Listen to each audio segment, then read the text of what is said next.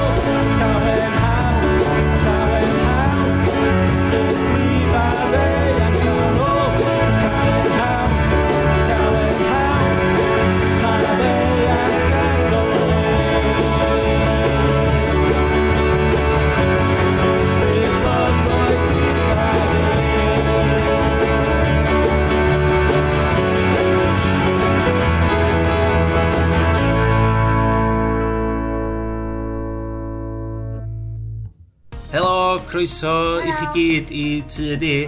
Mae hi'n ddysil y pas cyddiw a da ni'n mynd i chwarae gêm bach bore yma.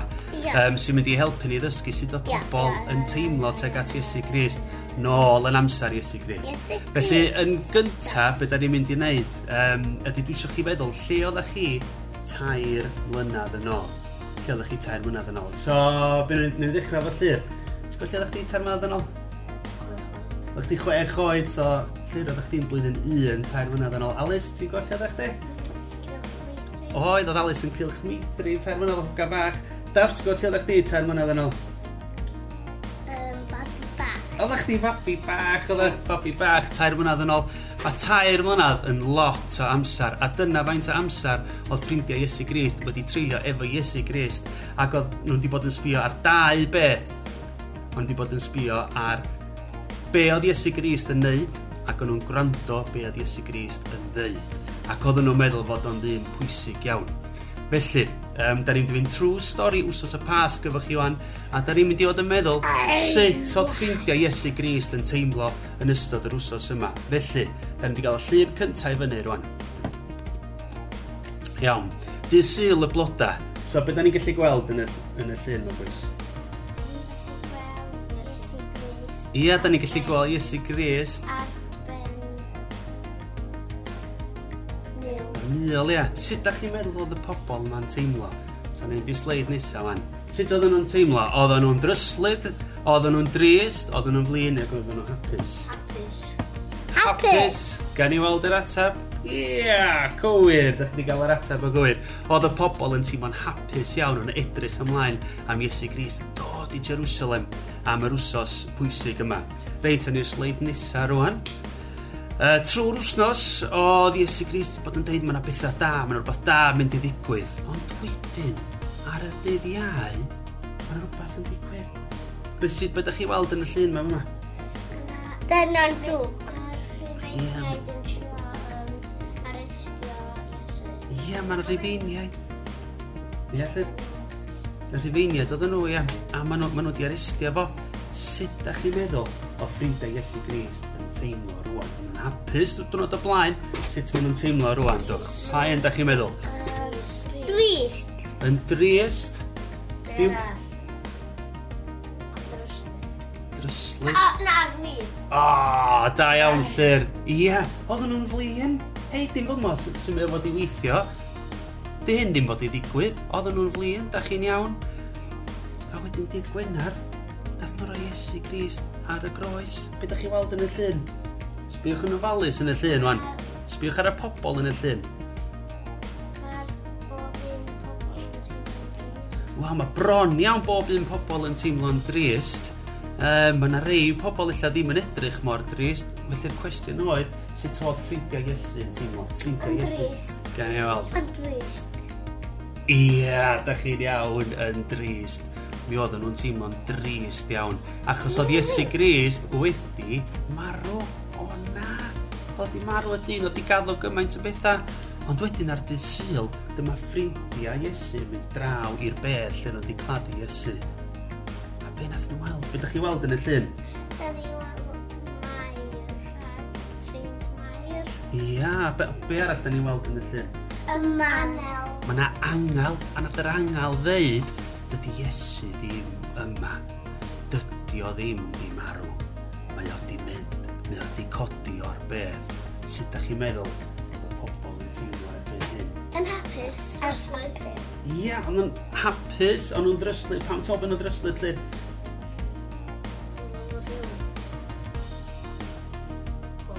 Ia, dyn nhw'n cweit yn dall. Ond... Dryslyd. Dryslyd gan i weld pa un. O, oh, mae dryslyd a hapus yn gywir.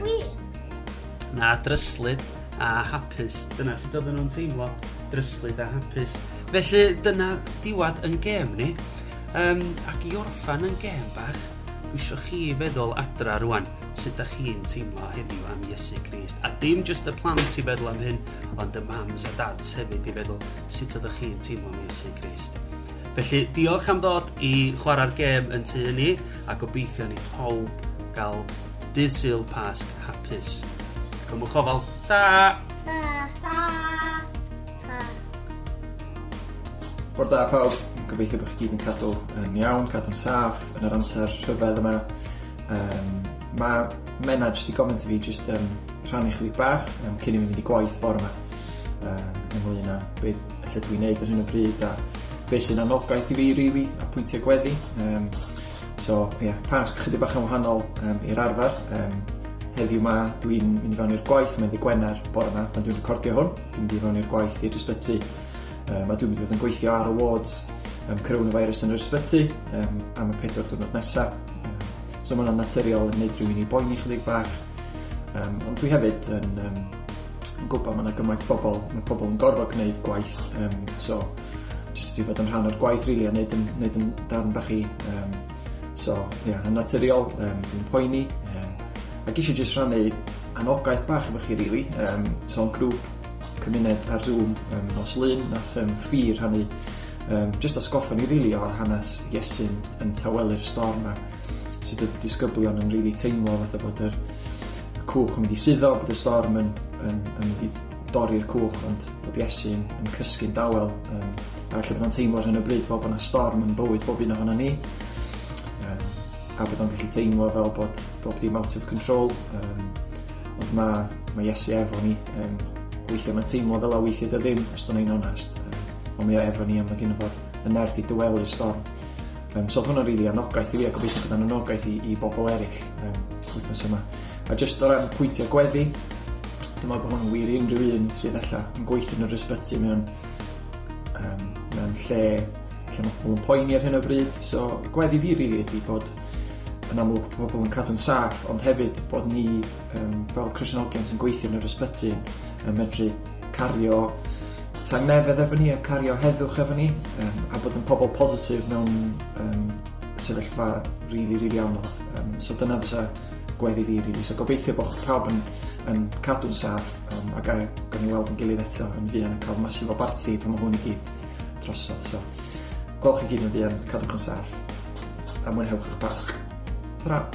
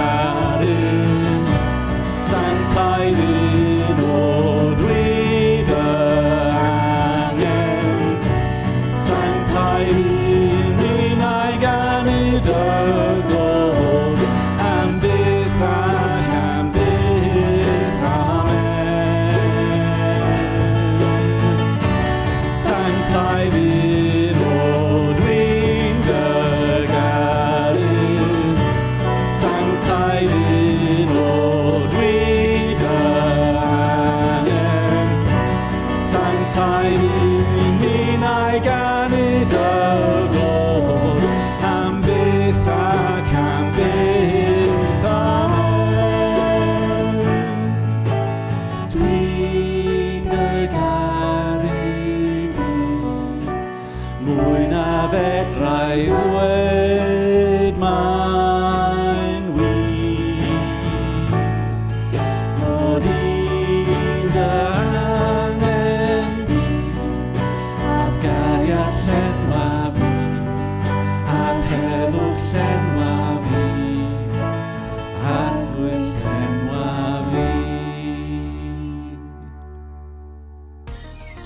isio i ni gyd droi at efengyl lyg bore yma i ni cadw allan allan o penod 24 adnod 1 i ddeuddag, felly wnawn ni ddarllan.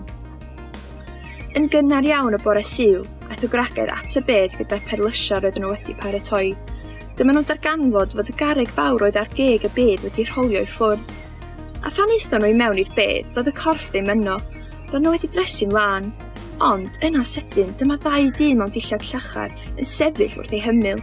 Roedd y gwragedd wedi dychryn am ei bywyda, a dyma nhw'n plygu gyda'i hwnebar lawr ei blaenau. Yna, dyma'r dynion yn gofyn nhw, pam ddech chi'n edrych mewn bydd am rhywun sy'n fyw? Di Iesu ddim yna, mae nhw yn fyw. Dych chi ddim yn cofio beth wedodd e pam oedd gyda chi'n Galileia. Dwedodd y byddai e, mab y dyn yn cael ei drosgwyddo i afel dynion pechadurus byddai'n ei groeshoelio. Ond yna, Deudydd wedyn byddai'n dod nôl yn fyw, a dyma nhw'n cofio beth roedd wedi ddweud. Felly, dyma nhw'n gadael y bedd am y yn nôl i ddweud beth oedd wedi digwydd wrth yr un ar ddeg disgybl a, a phawb arall. Aeth Mair Magdalen, Joanna, Mair Mam Iago a nifer o wragedd eraill i ddweud yr hanes wrth yr apostolion, ond doedd yr apostolion ddim yn ei credu nhw. Roedd nhw'n meddwl bod y stori'n nonsens llwyr, ond dyma Pedr yn rhedeg at y bedd i edrych. Plygodd i edrych i mewn i'r bedd a gweld y sribedi o Lian yn gorwedd yn o'n wag, gadawodd y bedd yn methu'n lan a deall beth oedd wedi digwydd. Wrth i ni ddarllen yr penod yma, dyn ni'n gallu gweld bod yna lot o bethau sy'n ni'n gallu pigo ar um, i drafod bore yma. Um, ond heddiw, sy'n ni'n licio i ni edrych a talu sylw at y ffaith bod y merched a'r apostolion wedi gorfod cael eu atgoffa o be oedd Iesu wedi deud wrthyn nhw. Da ni'n gweld yn y, yn y stori yma bod yr angylion wedi gorfod atgoffa y merched bod Iesu wedi deitha nhw be oedd o'n mynd i ddigwydd, bod wedi deud bod o'n mynd i cael ei groeshoelio a bod o'n mynd i atgyfodi wedyn. Um, a dwi'n meddwl mae'n digon hawdd i ni weithio um, anghofio wir be mae Iesu wedi gwneud drosto ni. Um, doedd yr apostolion ddim yn credu'r merched pam nath nhw ddod i ddeitha nhw bod Iesu wedi atgyfodi. Ond, oedd wedi deitha nhw'n barod be oedd yn mynd i ddigwydd, a dwi'n meddwl da ni'n gallu bod fel a weithiau efo yr addewidion mae Dyw wedi rhoi i ni. Da ni'n gwybod bod Iesu wedi marw droso ni, bod oedd wedi marw dros ein pechod ni. A weithiau mae ddigon hawdd anghofio hynna, ond adeg yma, adeg y pas, dyn ni'n gallu dod at yn gilydd i gofio pa mor fawr a nerthol ydy'n dew ni, bod o wedi um, gyrru unig fab i farw droso ni, i ni cael bod mewn perthynas llawn efo fo. Um, er weithiau bod o'n anodd um, gweld y dan pethau, ar y pryd yma doedd, doedd yr, oedd y merched yn galaru bod Iesu wedi marw, ond yn y cyfnod yna mae Iesu dal yn fuddigol mae Iesu dal yn atgyfodi, mae o dal yn dod i, i olchi'n pechoda ni i ffwr. A mae o'n bwysig bod ni'n cofio hynna yn ystod unrhyw ansicrwydd bod Iesu yn frenin droso ni a mae o'n yn caru ni ac yn fwy na unrhyw beth arall yn y byd. A mae hynna rhywbeth allwn ni heddiw atgoffa'n gilydd ohono fel cymuned, fel oedd yr merched yn gorau atgoffa'r apostolion, fel ffrindiau'n deitha nhw Grandwch, mae yn ôl yn fyw. Pwy allwn ni heddiw ddeud wrth un o ffrindiau, un o'n teulu, un o rhywun yn teulu ni, neu rhywun, da ni ddim yn abod ella, bod ni'n gallu deud na, mae Iesu, mae o'n fyw. Felly, no'n ni weddio cyn i ni symud ymlaen. Iesu, da ni'n diolch i chdi bore yma bod chdi'n frenin brenhinoedd. Da ni'n dod o dy flaen di yn ddiolchgar am bob dim ti di wneud droson ni. Da ni yma i ddathlu'r Pasg y bore yma, i ddathlu bod chdi wedi ennill o, o dad. Da ni'n diolch i chdi bod chdi wedi gyrru dy unig fab i farw droson ni. Er bod ni ddim yn ei heiddio dad, ti'n dewis yn caru ni. Ti'n dewis yn caru ni bob dydd. A da ni'n gweddio bore yma bod ni'n gallu dod yn um, anagosach at ti o dad. Bod ni'n gallu um, cymryd un cam yn nes i fod mwy fel Iesu heddiw. Da ni'n diolch i chdi am y gwahanol gyfleoedd ti'n rhoi i ni i ni cael deitha pobl bod Iesu yn fyw. Um, bore yma helpa ni i gofio yr addewidion ti wedi rhoi i ni. Da ni'n diolch i chdi am y diwrnod newydd yma, cadwa ni gyd yn saff o dad.